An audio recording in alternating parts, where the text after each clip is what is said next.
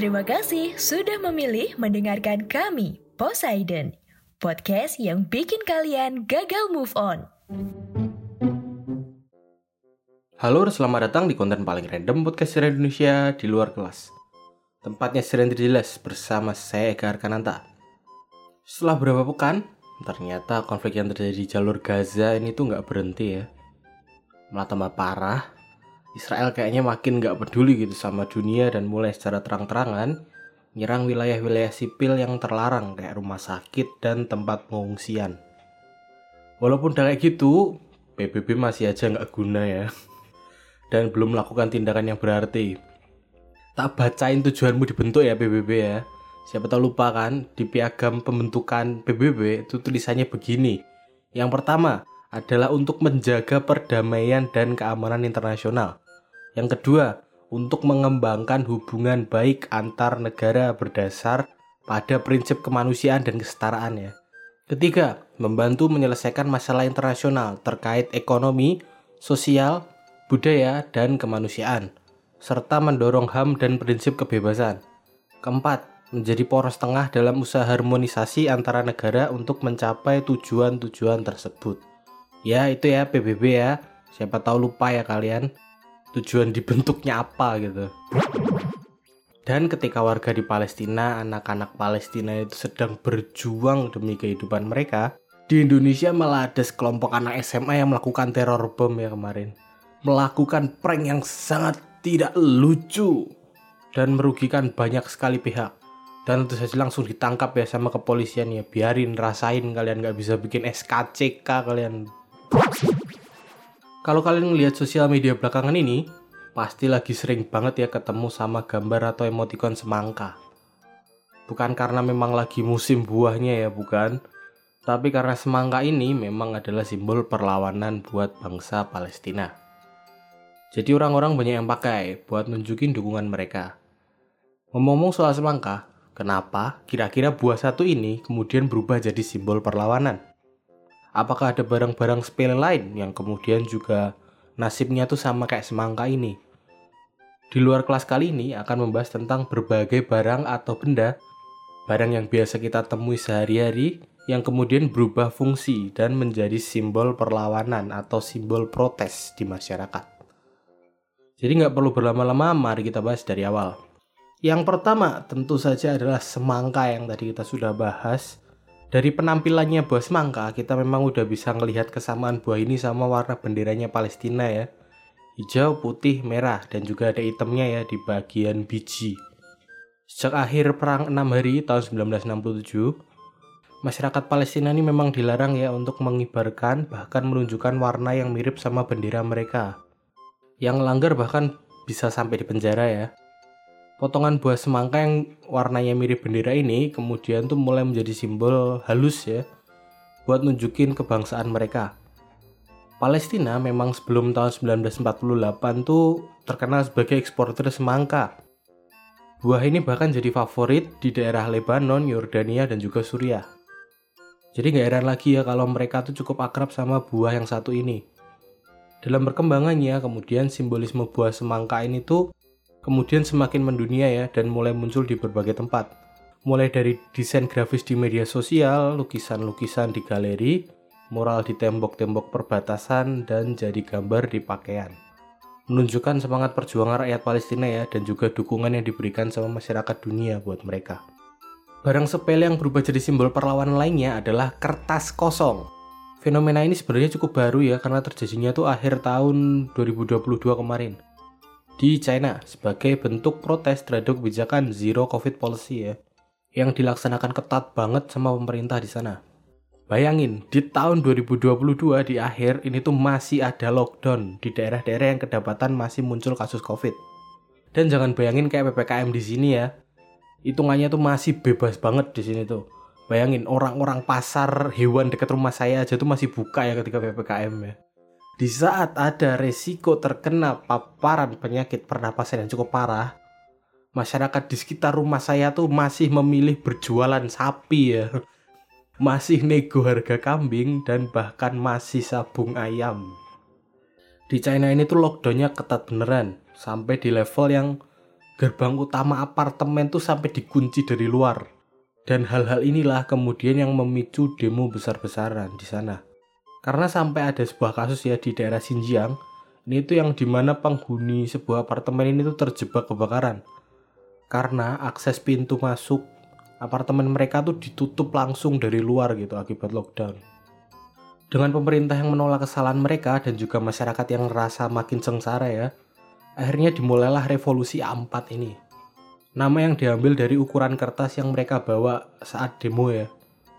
Terus kenapa pakai simbol kertas kosong? Banyak dari demonstran yang mengartikan simbol dari kertas kosong ini sebagai unek-unek yang mereka tuh nggak bisa sampaikan karena memang hukuman di sana tuh yang sangat ketat sekali ya. Jadi uh, apa-apa disensor dan kertas kosong ini adalah solusi yang cukup cerdas sebenarnya. Karena pemerintah akhirnya tuh cuma punya dua pilihan. Mau ngapain? Mau nindak orang yang nggak ngapa-ngapain gitu, cuma ke jalanan terus sambil bawa kertas kosong, atau membiarkan aksi-aksi seperti ini kemudian untuk berlanjut dan berkembang menjadi lebih besar di kemudian hari. Selain kertas kosong, payung ini juga pernah jadi simbol protes di daerah Cina. Lebih tepatnya di daerah administrasi khususnya Cina ya, yaitu Hong Kong. Daerah ini memang cukup terkenal ya, punya sistem yang beda banget gitu sama daerah Cina daratan yang lain. Karena memang dari sejarahnya wilayah Hong Kong ini tuh sempat dikuasai sama Inggris ya, sampai tahun 1997 ketika mereka kemudian dikembalikan lagi ke pemerintah China ya sebagai daerah khusus. Sejak mulai bergabung penuh sama Cina ini, masyarakat Hongkong mulai sering melakukan protes ya karena memang banyak banget aturan dan kebijakan yang dinilai sama mereka tuh nggak sesuai gitu. Salah satunya adalah ketika protes ini tuh terjadi tahun 2014. Ketika pemerintah China ini tuh dinilai terlalu ikut campur dalam pemilihan kandidat calon kepala eksekutif wilayah Hong Kong ya jabat yang setara wali kota lah, tapi wali kota buat daerah khusus. Untuk wilayah otonom kayak Hong Kong, harusnya Beijing tuh nggak boleh terlibat sama sekali ya, nggak boleh terlibat penuh lah, seenggaknya. Tapi kenyataannya tidak, dan masyarakat ini tuh juga tahu. Hal ini kemudian memicu terjadinya sebuah protes besar ya, yang berlangsung selama 79 hari. Dengan masa ini tuh yang terdiri dari pelajar dan mahasiswa, organisasi buruh dan pekerja, serta banyak masyarakat umum yang juga peduli sama masalah ini. Protes ini kemudian dikenal sebagai gerakan payung atau revolusi payung ya. Karena memang kehadiran dan perang payung yang cukup menonjol selama terjadinya protes ini. Selain digunakan para demonstran untuk berlindung dari terik matahari dan hujan ya, payung ini juga dimanfaatkan untuk menahan serangan water cannon, menahan semprotan lada dan juga semprotan gas air mata ya yang dikerahkan sama pihak berwajib buat membubarkan aksi protes ini. Nggak cuma buat keselamatan diri, payung ini tuh juga jadi simbol ekspresi serta privasi ya. Karena payung-payung mereka ini tuh juga dipakai buat menutup wajah dari kamera-kamera pers dan media. Salut ya buat warga Hong Kong yang peduli dan berjuang demi hak sipil mereka. Kalau di tempat kita kayaknya kapan-kapan ya. Soalnya ada yang protes di jalan aja tuh sering dikatain kurang kerjaan ya. Katanya tuh cuma pengangguran yang cuma ngarep bayaran dan makanan. Selanjutnya ada bajai yang jadi simbol perlawanan di Irak. Sepeninggalnya Saddam Hussein, Irak kan memang cukup chaos ya. Diduduki Amerika dari tahun 2003 sampai tahun 2011, semua aspek kehidupan kayak ekonomi, kesehatan, dan pendidikan di sana tuh sangat merosot. Dan di saat negaranya sedang terpuruk ini, pemerintah yang terpilih untuk memulihkan kondisi ini tuh justru korupsinya luar biasa. Alhasil, masalah di masyarakat tuh nggak selesai. Angka pengangguran tinggi, sektor-sektor kayak pendidikan, transportasi, kesehatan, bahkan listrik ini tuh juga berantakan. Bukannya mawas diri dan mendengarkan protes masyarakat, pemerintah Irak kala itu tuh justru mengerahkan polisi ya untuk menindak keras para pendemo memenjarakan mereka, dan menekan demokrasi masyarakat secara menyeluruh. Masalah dan protes yang berlangsung selama bertahun-tahun ini akhirnya memuncak pada Oktober 2019. Dengan protes terbesar yang pernah berjalan di Irak sejak mereka diubek-ubek Amerika hampir 20 tahun lalu. Dengan slogan kami ingin tanah air, para demonstran ini tuh menuntut pemberantasan korupsi di pemerintah serta kejelasan dari uang hasil minyak mereka ya yang walaupun produksi minyaknya tuh melebihi Arab Saudi, tapi kenyataannya jalan dan rumah sakit aja tuh nggak pernah diperbaiki. Terus ke mana uang-uang itu perginya? Kalau di pagi dan siang hari, aksi demonstrasi ini tuh berlangsung dengan damai. Beda lagi kalau udah malam.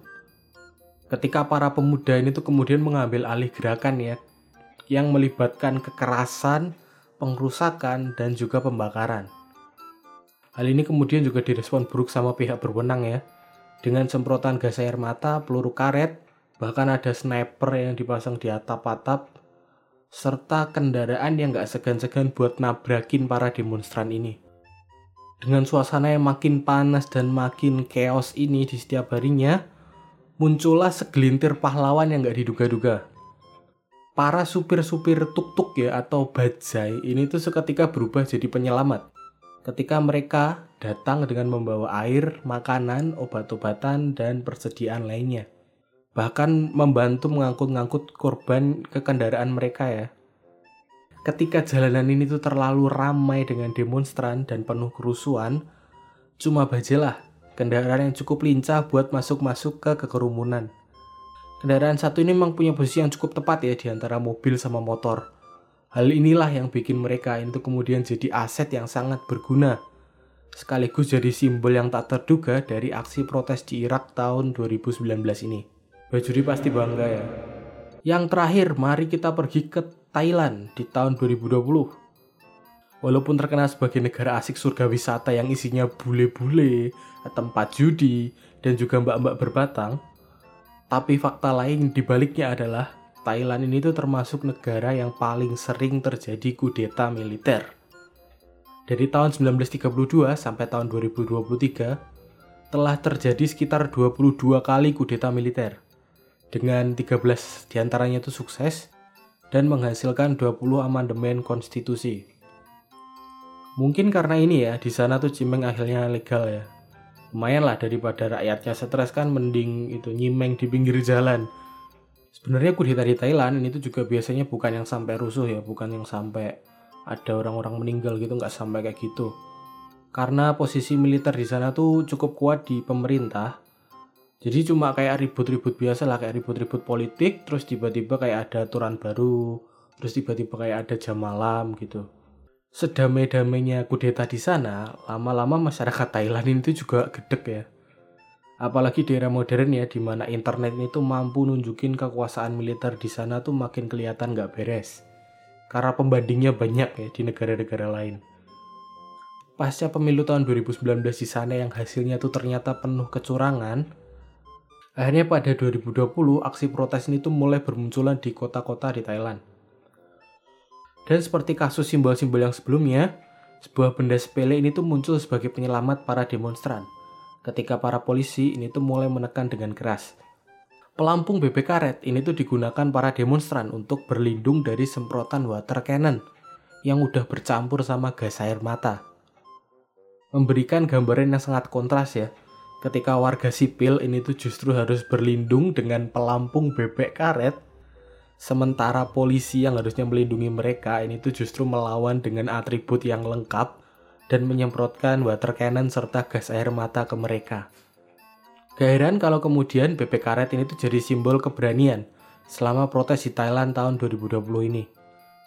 Pelampung bebek yang makin mengempis dan penuh bercak kimia namun masih tersenyum sambil melindungi demonstran di baliknya, ini tuh mungkin akan jadi hal yang lebih dikenang ya sama masyarakat Thailand daripada pejabat mereka yang terbukti nggak peduli lagi sama nasib rakyatnya. Oke mungkin sampai di sini ya pembahasan kita kali ini ya. Jadi menurut kalian simbol mana yang punya makna yang paling dalam? Kalau buat saya sih semuanya berarti ya. Karena nggak mungkin sampai jadi simbol dong kalau nggak ada artinya. Atau apakah kalian tahu barang sepele lainnya yang juga pernah jadi simbol protes dan perlawanan? Silahkan tulis di bawah pendapat kalian ya di kolom Q&A atau kolom komentar sesuai dengan platform tempat kalian mendengarkan. Terima kasih udah dengerin sampai habis. Kalau punya kritik, saran atau ada bahasan, silahkan dikirim ke Instagramnya Poseidon ya di @podcast underscore sejarah Indonesia atau ke Instagram pribadi saya di @rotikecap. Jika ada kesalahan, saya mohon maaf sebesar-besarnya. Saya Eka Arkananta pamit. Sampai bertemu di konten Poseidon yang lainnya. Bye-bye.